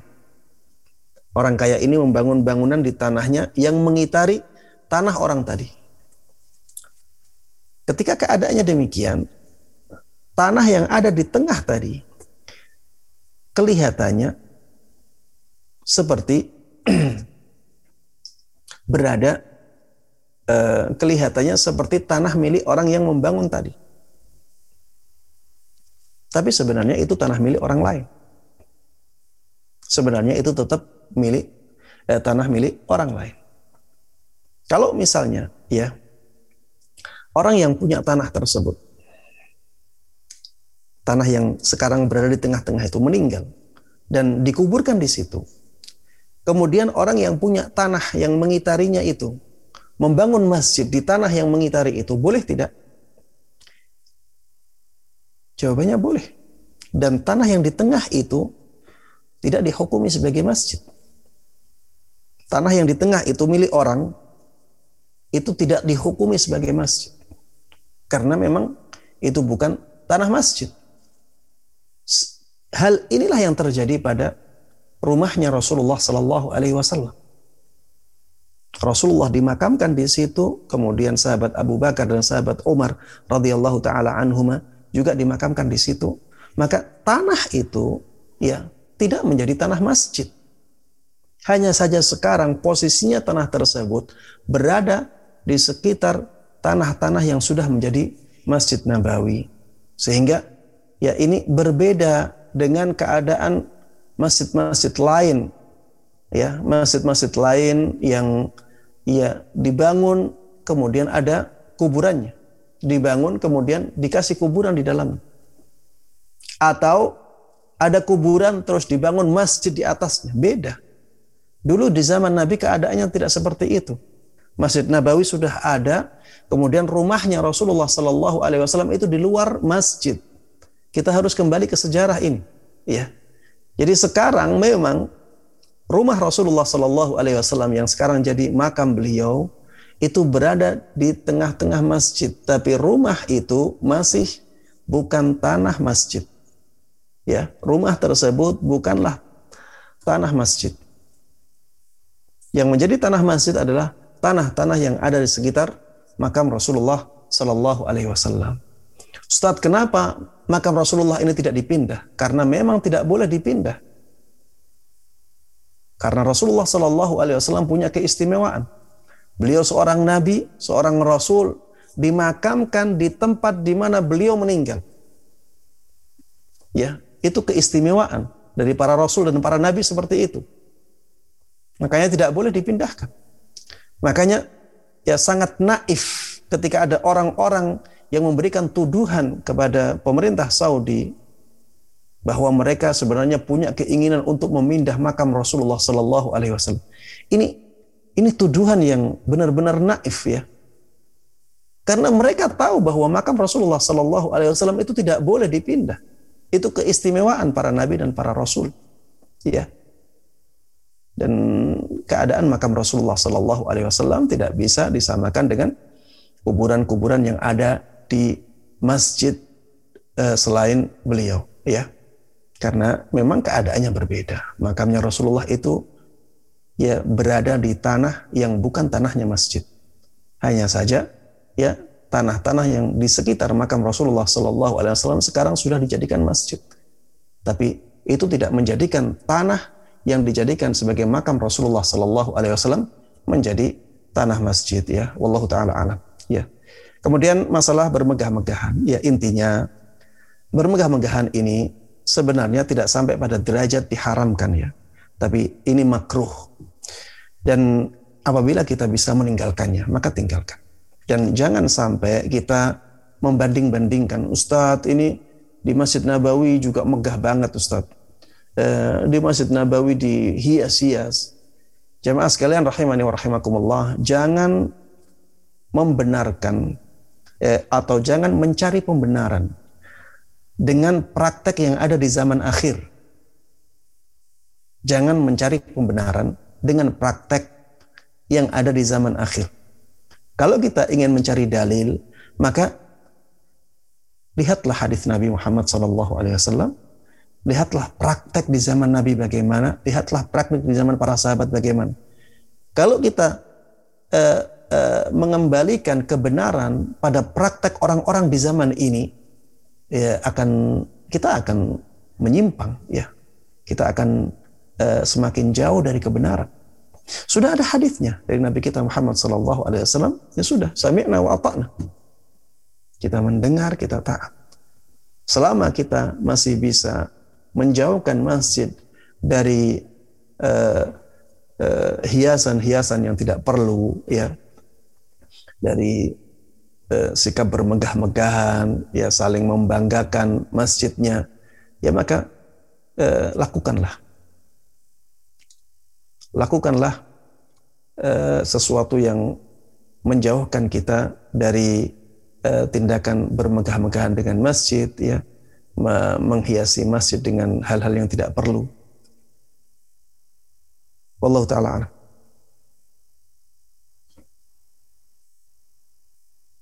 Baik, Alhamdulillah. Eh, terima kasih Pak Ustadz. Saya bacakan eh, banyak pertanyaan tentang masjid dan COVID ini. Tapi eh, saya akan satukan pertanyaan ini. Assalamualaikum warahmatullahi wabarakatuh Pak Ustadz yang kami cintai. Mohon penjuk Bapak. Kami tinggal di Jakarta di mana saat ini ada aturan dari pemimpin kita untuk tetap ibadah ditutup di masjid. Hanya saja jika ada masjid di daerah kita masih buka dan melaksanakan sholat ah, apakah harus kita lakukan mengikuti apa yang dikatakan pemimpin atau sholat di masjid? Nah bagaimana pula sebetulnya jika kita tidak sholat di masjid? Padahal kita sendiri bekerja di rumah sakit yang resikonya jauh lebih besar terpapar COVID daripada sholat di masjid Pak Ustadz. Kemudian eh, bagaimana satu-satu aja ya. Silakan. Nanti lupa nanti. Silakan. Jadi uh, bagaimana uh, menyikapi uh, instruksi ini Pak Pak Ustadz? Ya. Saya sudah katakan tadi ya dan saya sudah jelaskan panjang lebar bahwa apabila kita punya kekhawatiran yang besar di masa-masa pandemi seperti ini, kita punya uzur punya alasan yang dibenarkan oleh syariat untuk sholat di rumah masing-masing. Ya, sampai keadaan menjadi terkendali. Sampai keadaan wabah ini menjadi terkendali. Jemaah sekalian rahimani wa rahimakumullah. Saya tadi sudah memberikan contoh ya, udur-udur yang ada dalam syariat yang ada hadisnya. Seperti tadi apa? Memakan bawang. Orang yang makan bawang dia punya udur untuk tidak sholat di masjid. Baik, apabila orang yang makan bawang ini pergi ke rumah sakit karena dia bekerja di rumah sakit, boleh tidak? Boleh. Apa bedanya? Dia ke masjid, boleh tidak ke masjid, tapi dia kalau pengen kerja di rumah sakit, dia dibolehkan ke rumah sakit. Padahal sama-sama di masjid dia akan mengganggu kehusuan orang salat, sholat, di rumah sakit juga dia akan mengganggu orang lain. Contoh lain, tadi ada uzurnya, misalnya hujan. Kita kalau kehujanan, ya dalam adzan kita mendengar adzan dalam keadaan hujan dan hujannya lama. Kita punya uzur untuk tidak sholat di masjid. Benar tidak ini? Iya. Tapi dalam hal yang sama, ketik waktu waktu yang sama kita bawa mobil ke rumah sakit karena ingin ya bekerja di rumah sakit. Boleh tidak? Tidak ada masalah. Terus apa bedanya? Sama juga ketika misalnya kita eh, nahan BAB. Ketika kita nahan BAB, kita boleh tidak sholat di masjid. Karena kalau sholat di masjid dalam keadaan nahan BAB seperti itu, ya eh, kehusuan kita akan akan hilang, ya. Tapi baru sebentar kita kepengen ke mas, eh, kita kepengen ke rumah sakit. Boleh tidak? Jawabannya boleh, tidak ada masalah. Ini permasalahannya adalah ada uzur tidak untuk tidak sholat di masjid. Saya katakan ada uzur. Kalau ada orang memaksakan diri ke masjid, ya silahkan. Tidak ada masalah. Kita tidak melarang orang untuk ke masjid, tidak. Pembahasan kita adalah di sana ada uzur. Di sana ada uzur untuk sholat di rumah. Untuk tidak sholat di masjid. Maka dibolehkan kita tidak sholat di masjid, kita dibolehkan untuk sholat di rumah. Karena ada uzur ini, ya.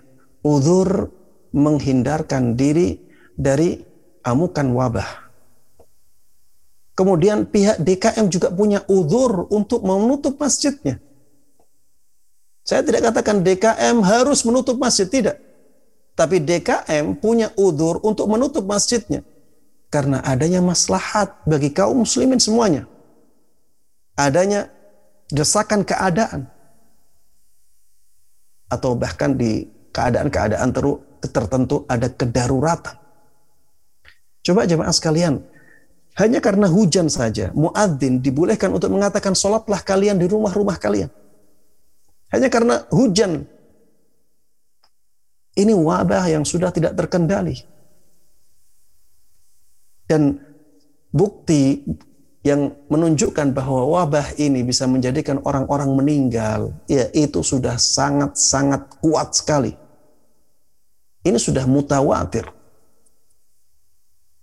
Coba lihat sekarang ya, lihat sekarang di FB kita, di media sosial. Setiap hari, afwan anak ter, eh, ter, terpapar COVID-19, mohon doanya. Me, sudah memenuhi beranda kita Jamaah sekalian rahimani wa rahimakumullah, kita harus uh, bersikap arif dan bijaksana di sini. Jangan jangan sampai kita berlebih berlebih-lebihan uh, dan jangan sampai kita terprovokasi dengan teori-teori konspirasi yang tidak jelas ya. Ya memang di zaman kita ini ya uh, orang-orang yang termakan teori konspirasi merasa bahwa orang-orang yang lain itu bodoh. Mereka tidak tahu eh, penjelasan-penjelasan yang dia dengarkan. Padahal ya para ahli uh, kesehatan mereka juga tahu apa yang disampaikan oleh orang-orang yang membawa teori konspirasi itu. Tapi kan mereka tidak sebodoh dia. Dia hanya mendengar teori konspirasi saja. Tidak mendengarkan yang lain.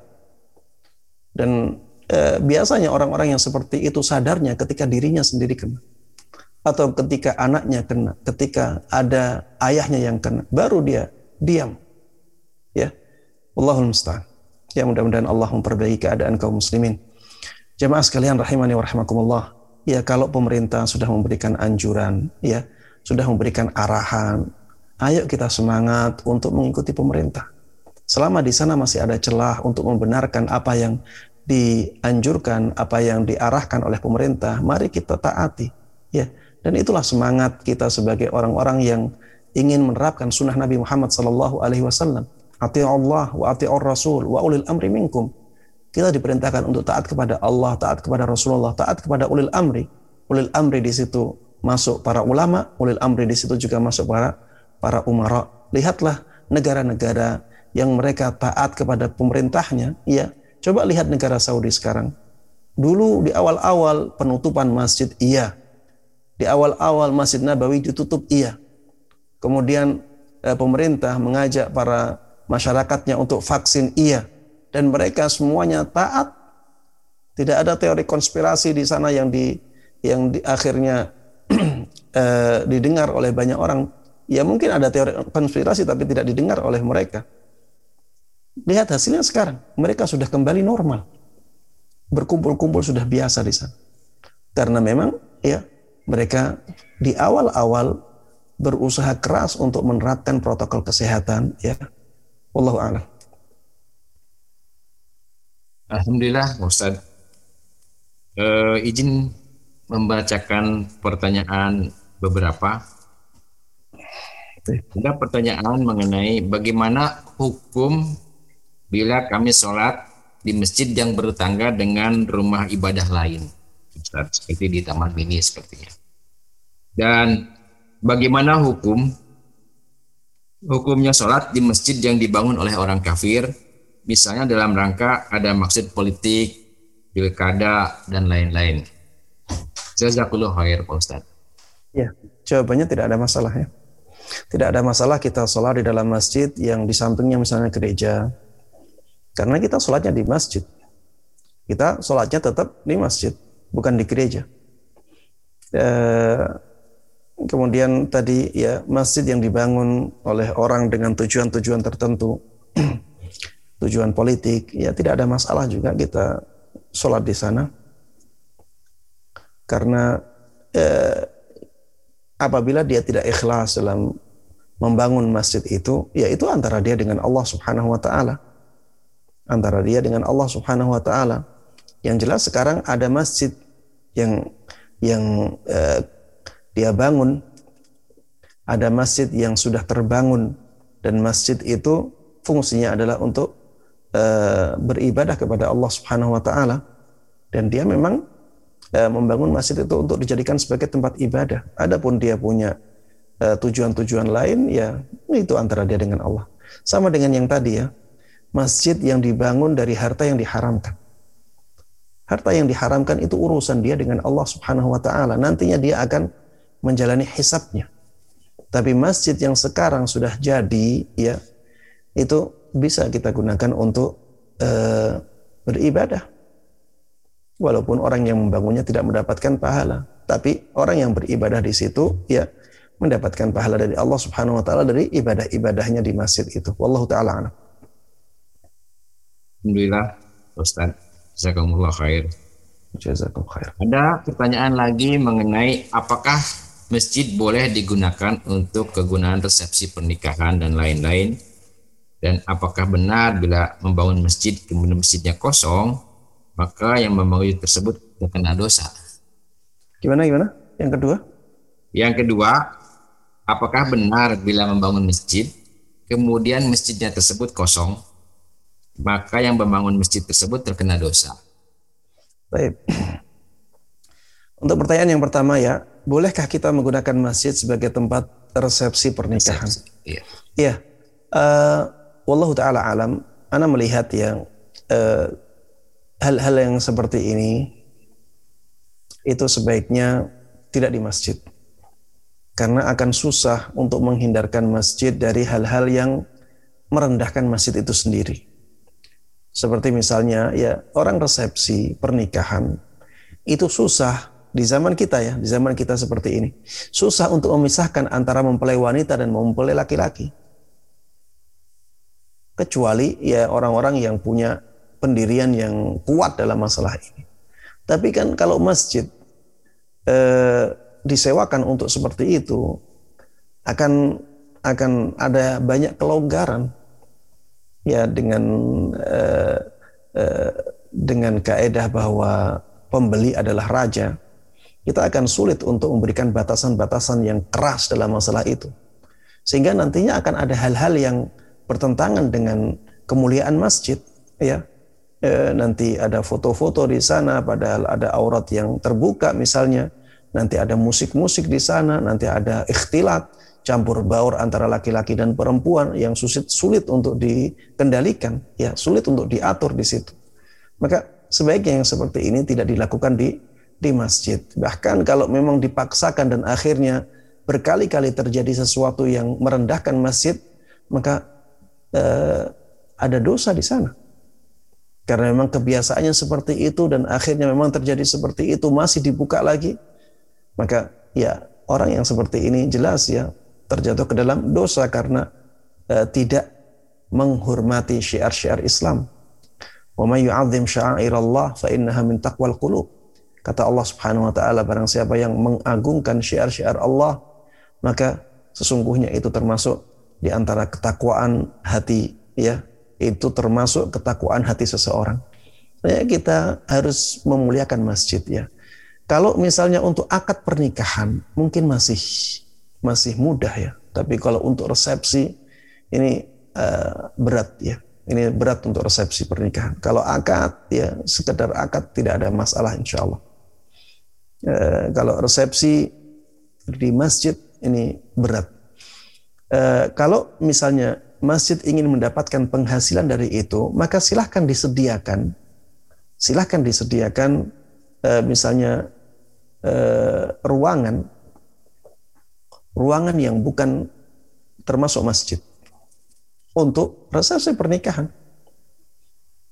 Dan tetap harus ada aturan-aturan uh, ketat uh, dalam uh, acara tersebut, ya Misalnya tidak boleh ada musik, tidak boleh ada campur baur ya dari pengunjungnya, kemudian mempelai laki-laki dan mempelai wanita harus dipisahkan ya agar tidak terjadi hal-hal yang dilarang oleh syariat ya. Ini e, harus diketati seperti itu. Dan saya yakin orang-orang yang mau menyewa ruangan e, dan ada pengetatan seperti itu itu biasanya sedikit. Biasanya sedikit karena ada aturan-aturan yang ketat seperti itu. Lebih baik dia nyewa di tempat lain. Ya Allah taala alam. Alhamdulillah Pak Ustadz. Uh, mohon izin mungkin waktu ya jadi ada beberapa pertanyaan lagi Pak Ustadz ya ini yang Jadi pertanyaan kedua tentang apa ya uh, tentang membangun masjid kemudian masjidnya kosong, maka oh, yang iya. membangun iya. tersebut apakah terkena dosa, Pak Ustaz? Baik, enggak ya. Ini jawaban tadi saya eh, merasa lucu dengan pertanyaan itu.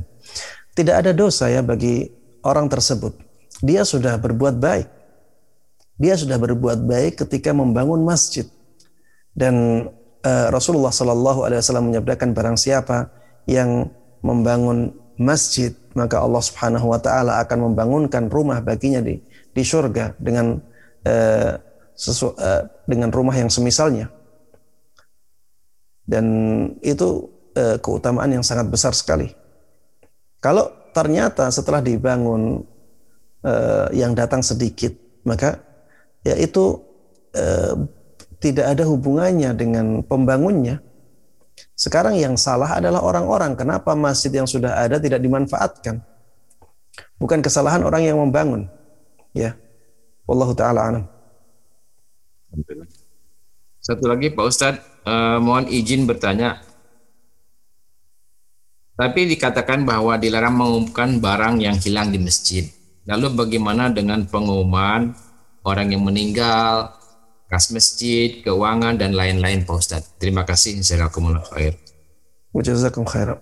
Iya, uh, pengumuman yang tidak berkaitan dengan uh, amal ibadah ya, tidak berkaitan dengan kegiatan ibadah, sebaiknya tidak dilakukan. Tapi saya tidak mengatakan uh, perkaranya sama dengan mengumumkan barang yang hilang di masjid ya. Tidak sama. Tentunya uh, tidak sama antara mengumumkan barang yang hilang di masjid dengan mengumumkan laporan keuangan masjid. Ya mengumumkan laporan keuangan di masjid ya dibolehkan tapi sebaiknya tidak dilakukan. Cukup dengan eh, hal dengan cara lain ya.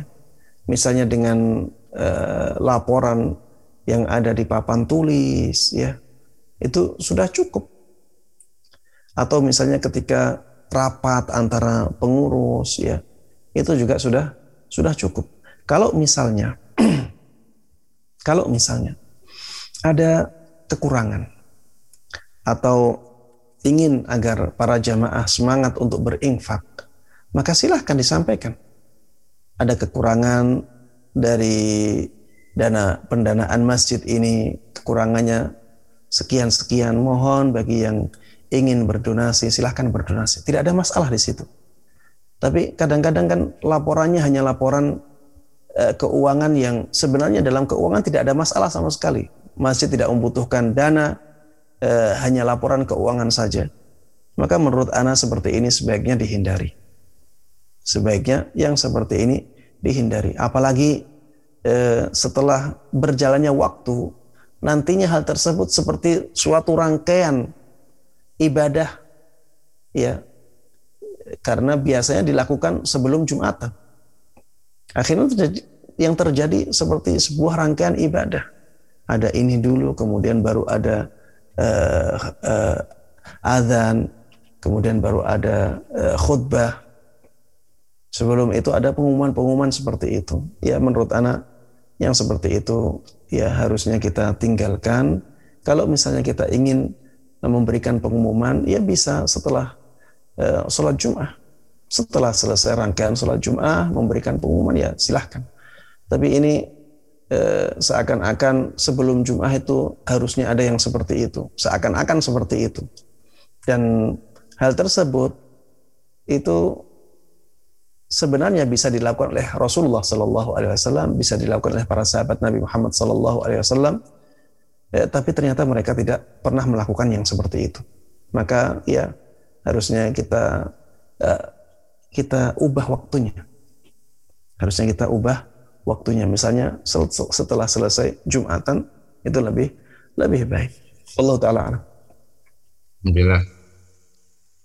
Mohon izin Pak Ustadz, apakah Pak Ustadz masih berkenan ada waktu karena ada beberapa jamaah yang raise hand ingin bertanya Baik, langsung? Satu ya, satu aja ya. Baik. Silakan mungkin di antara hadirin yang akan bertanya langsung kepada Pak Ustadz. Assalamualaikum. Makasih Pak Waalaikumsalam Ustaz. Saya ini sebenarnya sudah sudah di, dijelaskan sama Pak Ustaz, cuma saya penasaran. Bagaimana dengan renovasi masjid yang kadang mereka suka meminta-minta di jalan? Apakah itu benar atau tidaknya? Karena orang kadang eh, memberi tidak ikhlas. Dan apakah itu uang halal apa uang haram? Terus satu lagi Pak Ustaz. Bagaimana saat ibu-ibu ikut pengajian menyediakan seragam dengan dicicil sementara di masjid katanya nggak boleh ada perdagangan terima kasih Pak Ustaz Baik. ya, yang pertama adalah pengumpulan donasi dengan cara mengumpulkannya di pinggir-pinggir jalan ya atau di tengah jalan. Jemaah sekalian rahimani rahimakumullah sebenarnya ya kalau itu tidak mengganggu pengguna jalan sebenarnya tidak ada masalah. Sebenarnya tidak ada masalah kalau itu tidak mengganggu pengguna jalan. Yang menjadi masalah ya sering kali hal-hal tersebut Eh, mengganggu pengguna jalan dan mereka sengaja memang sengaja agar jalannya pengguna jalan itu pelan dan e, sering kali ini mengganggu pengguna jalan ini yang menjadi masalah tapi kalau misalnya tidak mengganggu pengguna jalan kemudian e, tidak ada penyelewengan dalam e, pengaturan keuangannya maka anda melihat ya sebenarnya tidak ada masalah minta-minta seperti itu Eh, karena permintaannya bukan untuk dirinya tapi untuk masjidnya.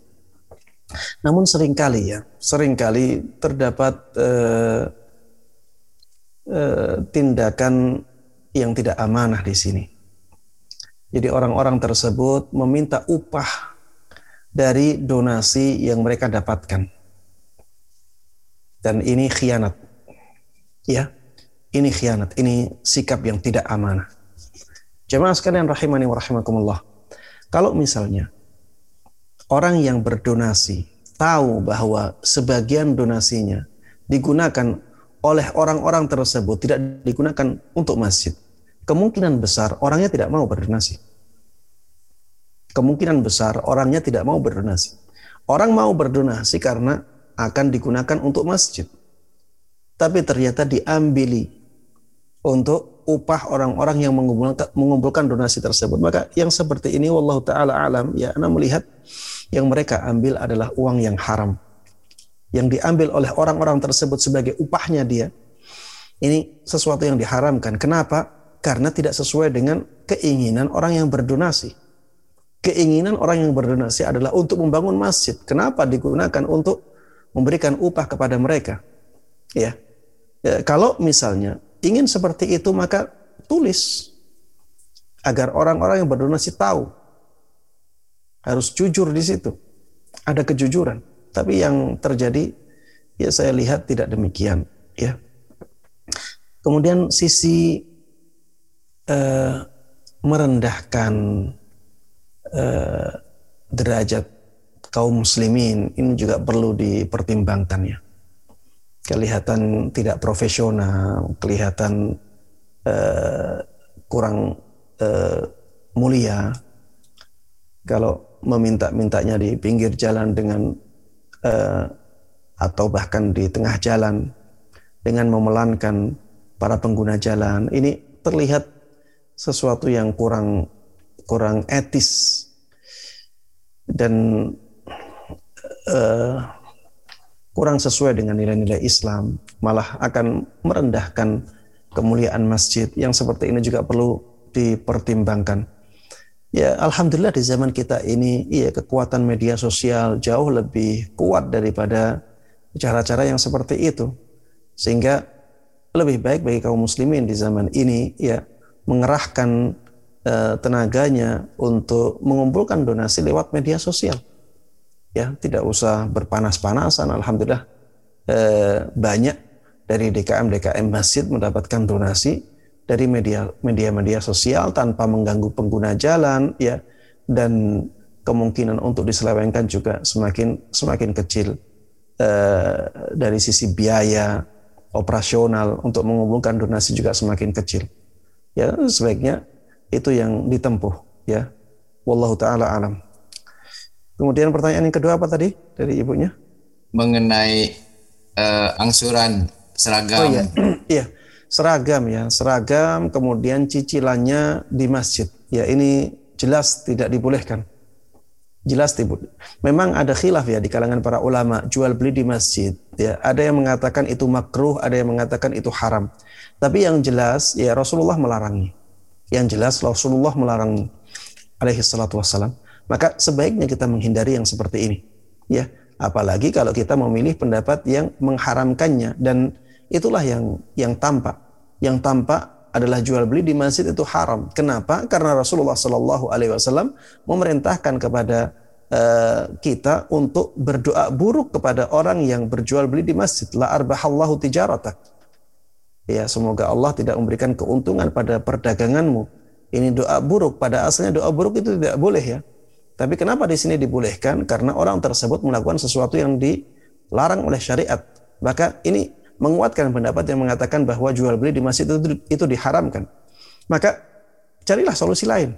Carilah solusi lain misalnya dengan mentransfer ya. Silahkan mentransfer ya dan jangan mentransfer ketika di masjid juga. Silahkan mentransfer ketika di rumah ya kita ingatkan satu persatu misalnya ya penanggung jawabnya mengingatkan ya tolong ditransfer ini, tolong ditransfer langsung ke rekening ini. Seperti itu lebih baik. Atau misalnya diberikan di rumah. Diberikan di rumah. Misalnya ada salah satu anggota yang rumahnya dekat masjid. Silahkan diserahkan kepada si fulan. Ya, ini rumahnya dekat masjid. Seperti itu, ya termasuk di antara solusi-solusinya. Wallahu ta'ala Alhamdulillah. Alhamdulillah Pak Ustadz. Uh, mungkin uh, Pak Ustadz, apakah masih ada cukup ya? waktu ya? atau kita tutup lagi? Cukup ya. Baik, cukup kalau begitu. Baik Pak Ustadz, uh, sebetulnya masih banyak sekali pertanyaan-pertanyaan seputar fikih masjid ini yang memang penting sekali mungkin juga bisa dibahas uh, lain waktu karena apalagi di Pak Ustadz tadi mengatakan bagaimana memanage mungkin masjid di era digital ini dengan media sosial ya kemudian era digital lain untuk uh, bikin masjid. Baik, Alhamdulillah acara demi acara di sahabat ilmu dan mais telah kita lewati bersama. Sebelum kita tutup, marilah kita bersikfar kita tutup acara pengajian ini dengan membaca Alhamdulillah dan Subhanakallahumma wa bihamdika asyhadu an la ilaha illa anta astaghfiruka wa atubu ilaik. Maha suci Engkau ya Allah, aku memujimu. Aku bersaksi bahwa tidak ada sesembahan yang berhak disembah kecuali Engkau. Aku minta ampun dan bertobat kepadamu. Terima kasih atas kehadiran dan perhatian para hadirin dalam kajian sahabat ilmu Darmais ini. Saya selaku moderator mohon maaf jika ada salah salah kata atau kalimat yang kurang berkenan di hati hadirin sekalian. Jika ada kebenaran datangnya dari Allah Subhanahu wa taala dan jika ada salah datangnya dari diri saya sendiri. Kurang lebihnya mohon maaf. Wabillahi taufiq wal hidayah. Wassalamualaikum warahmatullahi wabarakatuh. وعليكم السلام ورحمة الله وبركاته. جزاكم الله خير أستاذ. جزاكم الله خير بارك الله فيكم. جزاك فيك بارك الله. فيكم السلام عليكم ورحمة الله. وعليكم السلام. ارجعي إلى ربك راضية مرضية. فادخلي في عبادي. وادخلي جنتي.